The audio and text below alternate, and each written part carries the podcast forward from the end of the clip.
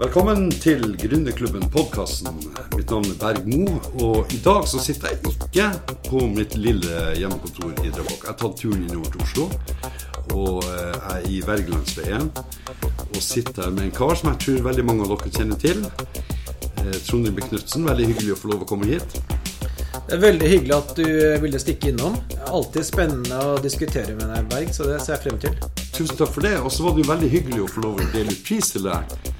Så du fikk jo en pris her eh, for ikke så lenge siden ble kåret til årets eh, investor på Gründergruppen. Det var jo en hyggelig begivenhet, vil jeg si. Ja, det betyr mye. Eh, det føles noen ganger litt sånn ensomt å være en sånn engleinvestor. Lurer noen ganger på om det man holder på med, har verdi.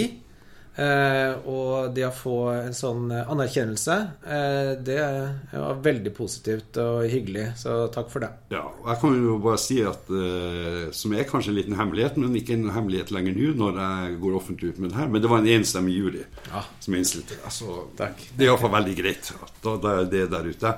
Gründerklubben av gründere for gründere. Vi har egentlig to hovedtemaer vi har tenkt å snakke om i dag. Det ene er å eh, starte opp nå. altså Nå er jo veldig mye fokus på krise og dårlige tider og alt det her. ikke sant? Og så har vi faktisk tenkt å snakke om alternativer til å dra til Trondheim Knutsen og be om, eh, om penger. Som jeg syns er veldig spennende. Eh, så kanskje vi begynner med det første. altså Er det noe helt tatt noen poeng å starte opp i dag, liksom? Jo, um, jeg tror på mange måter at uh, litt sånn nedgangstider har jo vist seg egentlig å være den mest uh, gunstige perioden uh, å starte nye bedrifter på. og særlig kanskje bedrifter som skal gjøre ting på litt nye måter, litt mer effektive måter. som skal i prinsippet hjelpe folk i en situasjon hvor de trenger eh, nye løsninger. Eh, så ikke glem det at eh, noen av de aller mest fantastiske bedriftene i verden er blitt skapt i nedgangsperioder. Mange husker jo tilbake til finanskrisen. Og det var akkurat da at Airbnb ble skapt. Og ingen trodde noe på det der. Eh, men da hadde jo folk litt dårlig råd, så de begynte å tenke at kan jeg leie ut eh, vet, et rom, så er det verdifullt.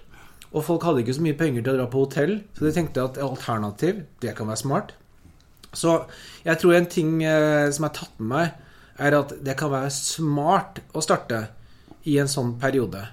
Og man skal ikke glemme heller at mange av de her større teknologibedriftene, unicorns osv., de har jo sagt opp folk, vet du. Nå. Mm, ja. eh, og det betyr også at eh, du vet neste generasjon startups kan få tak i noen utrolig flinke folk.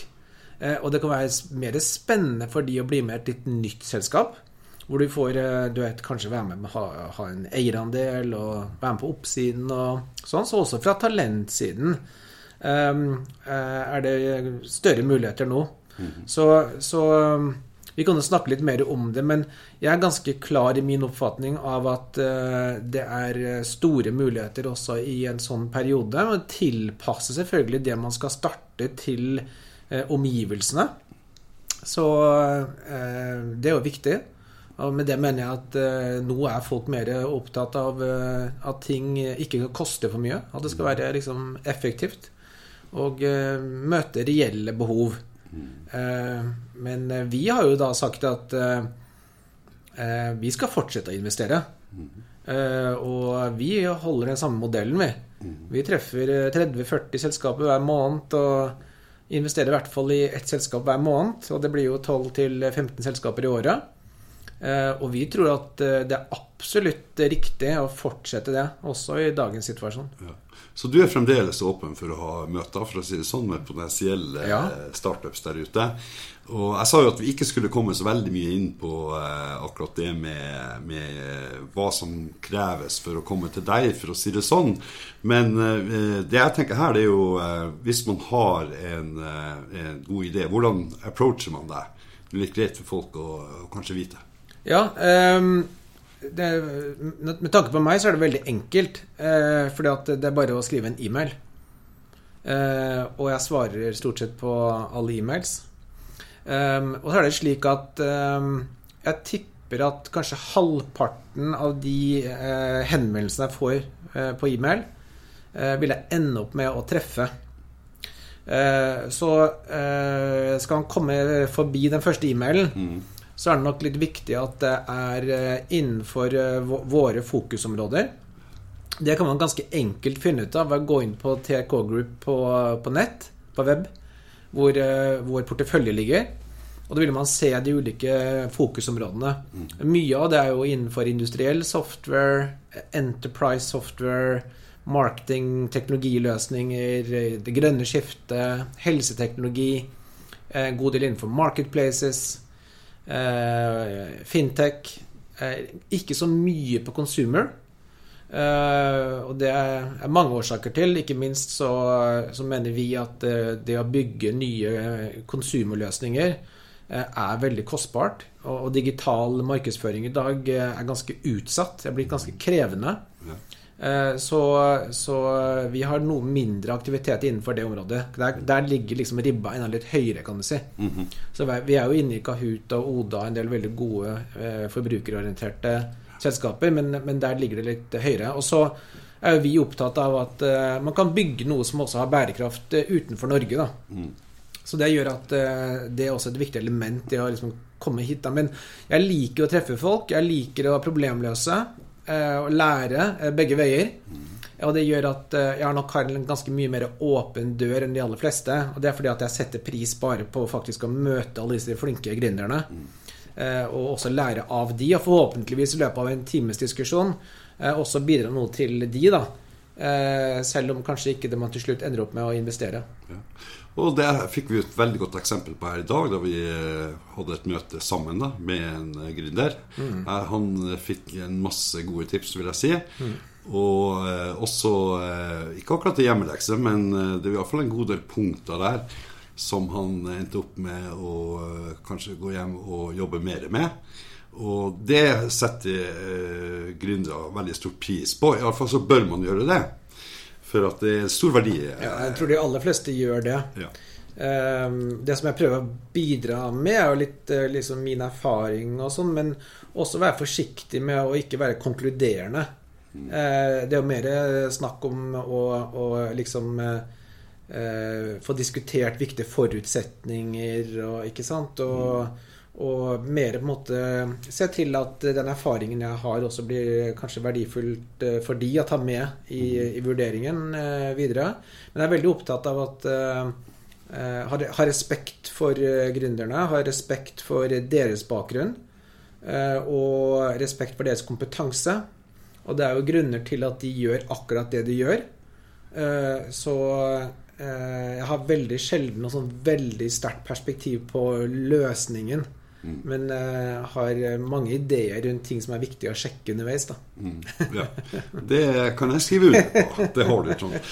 Men uh, la oss komme inn på det som egentlig er hovedtemaet. Det er å prøve å unngå å komme til, til deg. Altså, for uh, det har jeg opp opplevd veldig mye egentlig på Gründerklubben. At jeg kommer over case der og diskusjoner der jeg ser at eh, de her trenger egentlig ikke investorpenger akkurat nå, i hvert fall, for å kunne komme ganske langt. Så det, det føler jeg det er problemstilling som vi har egentlig hele tida på Gründerklubben.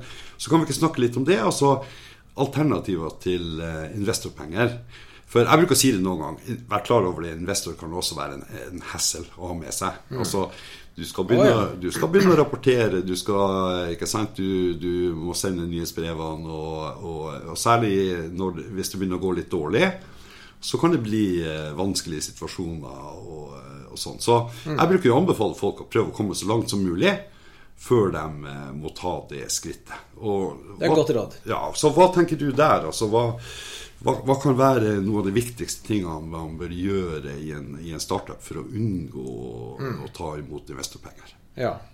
For det første så tror jeg at eh, også i dagens situasjon da, eh, at det er veldig bra å ha det tankesettet at eh, i utgangspunktet ønsker vi å kunne drive dette uten å måtte gå ut til i hvert fall profesjonelle investorer for tidlig.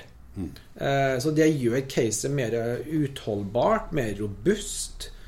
Og man lærer seg også å snu krona og få mer ut av ressursene. Jeg har sett mange selskaper i vår portefølje som har reist for mye penger. Og i prinsippet blitt så lite produktive at det senere er skadelig. Så, så jeg tror det er veldig verdifullt. Også fordi at du jo utgår, unngår utvanning. Og hvis du må ta inn eksterne investorer for tidlig, eh, så eh, får de altfor høy eh, eierandel for altfor lite penger. Mm. Så vår anbefaling er absolutt det samme. Så er det jo slik at da må man tenke på hva er de ulike avenyene. Ikke sant? Den aller første, som er helt åpenbar, og som sikkert mange har fokus på, er jo såkalt softfunding. Men det er jo veldig viktig at Norge har et relativt godt setup rundt dette, rundt Innovasjon Norge spesifikt. Ja. Men også for ganske mange etter hvert, f.eks. For Forskningsrådet og SkatteFUNN. Eh, og mange også etter hvert inn mot EIC, som er EUs program, som Innovasjon Norge også fasiliterer.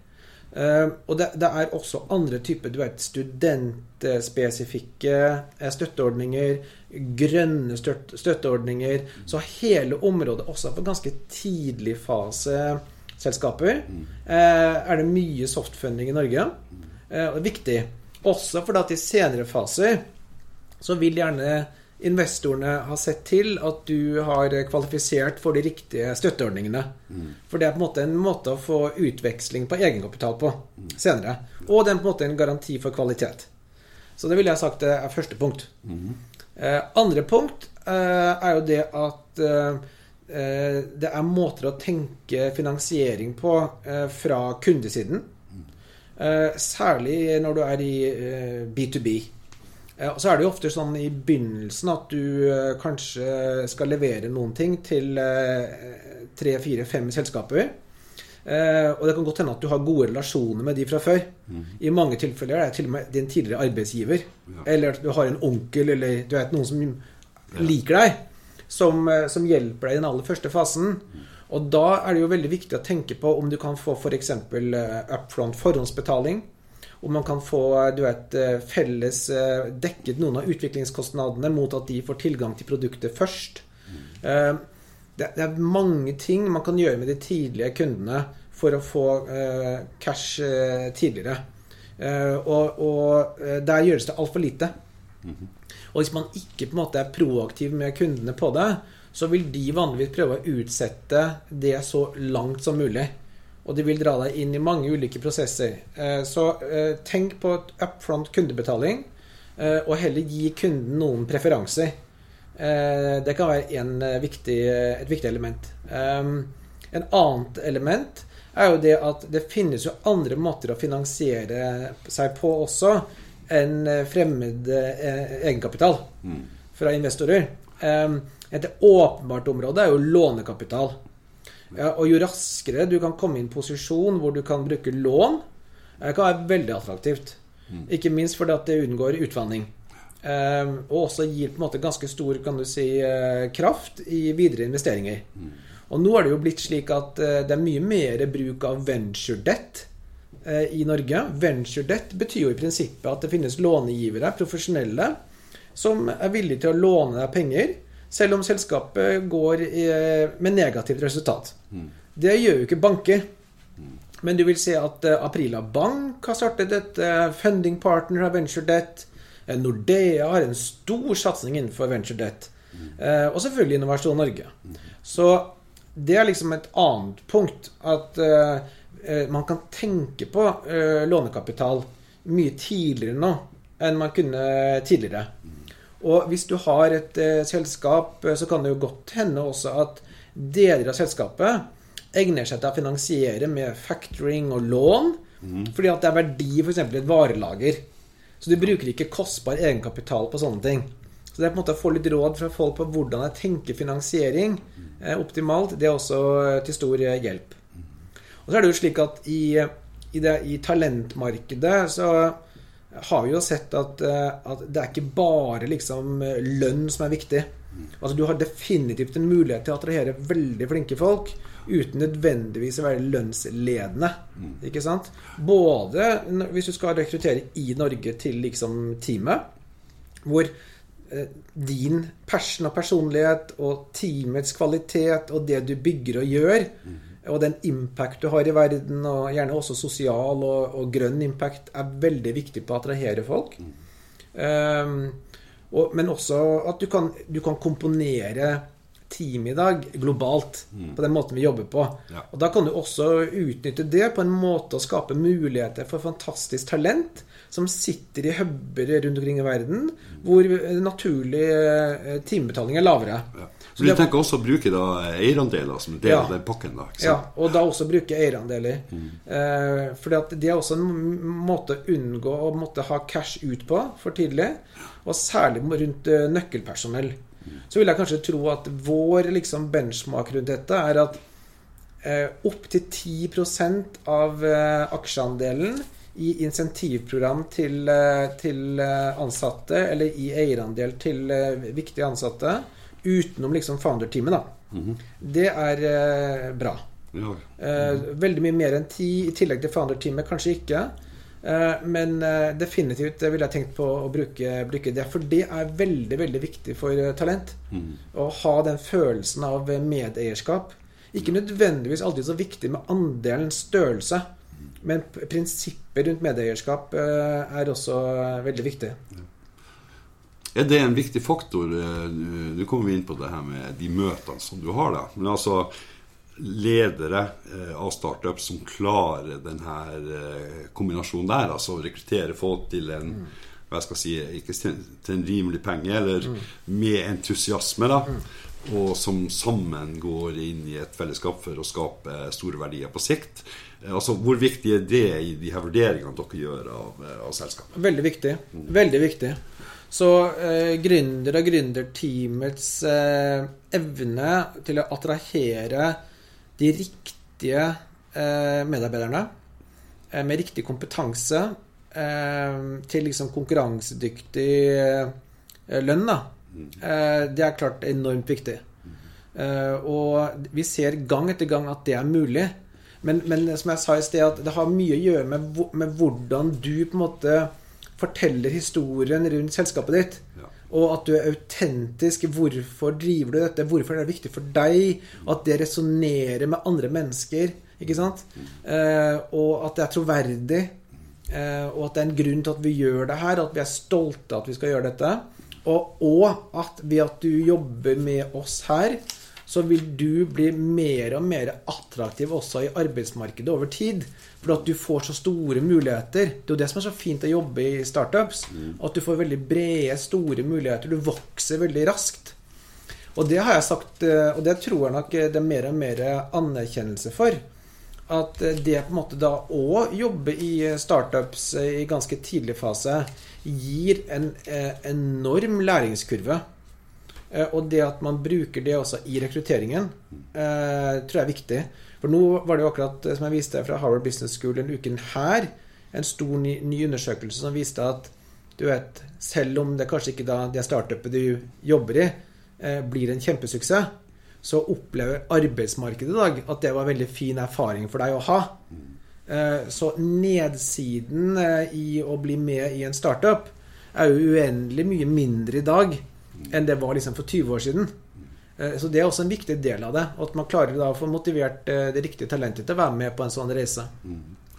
Veldig, veldig spennende, Trond. Altså, vi kommer jo med en artikkel her eh, som du skal bidra til, som er de ti beste tipsene dine, egentlig. da.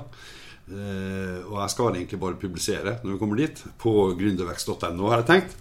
Men eh, vi eh, har jo begge to møter om ikke så veldig lenge, så vi skal ikke drive for langt. Men har du noe siste innspill og siste tips til de her på Gründerklubben? Altså, jeg vet jo, Du er medlem av Gründerklubben, du følger med litt der og, og sånn. Har du noe, noe, eh, noe gode tips eh, som du bare har lyst til å dele akkurat nå? Jeg tror at eh, det må være at bare vær egentlig så åpen som mulig rundt det du har tenkt å, å starte å bygge. Få innspill fra mange parter eh, tidlig. Som kan være med på en måte både på liksom å kalibrere og justere eh, caset, basert på at eh, ulike folk har ulik erfaring, som kan være viktig for deg. Og det kan begynne å skape et nytt nettverk for deg, som kan åpne dører og gi muligheter. Ehm, så eh, det ville vært mitt viktigste råd. Bare bruk liksom eh, bare, ikke, vær, ikke vær forsiktig med å utnytte de ressursene som er rundt deg. Mm. Og folk vil veldig gjerne hjelpe til. Det er min erfaring. Så ikke vær redd for det. Nei, Nei det syns jeg var et veldig eh, avsluttende tips her. Og jeg vil igjen bare få takke at jeg fikk lov å komme hit på kontoret ditt, som er veldig flott, og, og, i det hele tatt. Så jeg vil bare si lykke til videre. Trond, du er en veldig ressurs, ikke bare for Gründerklubben, men for hele Norge, vil jeg si. Så jeg vil bare ønske deg lykke til med, med den videre jobben. Og så kommer vi jo tilbake med en artikkel her etter hvert, og i det hele tatt. Så uh, tusen takk uh, for i dag. Og så ses vi jo før vi vet ordet, og det bruker jeg også. Det gjør vi. Tusen takk for i dag. Gründerklubben av for gründere.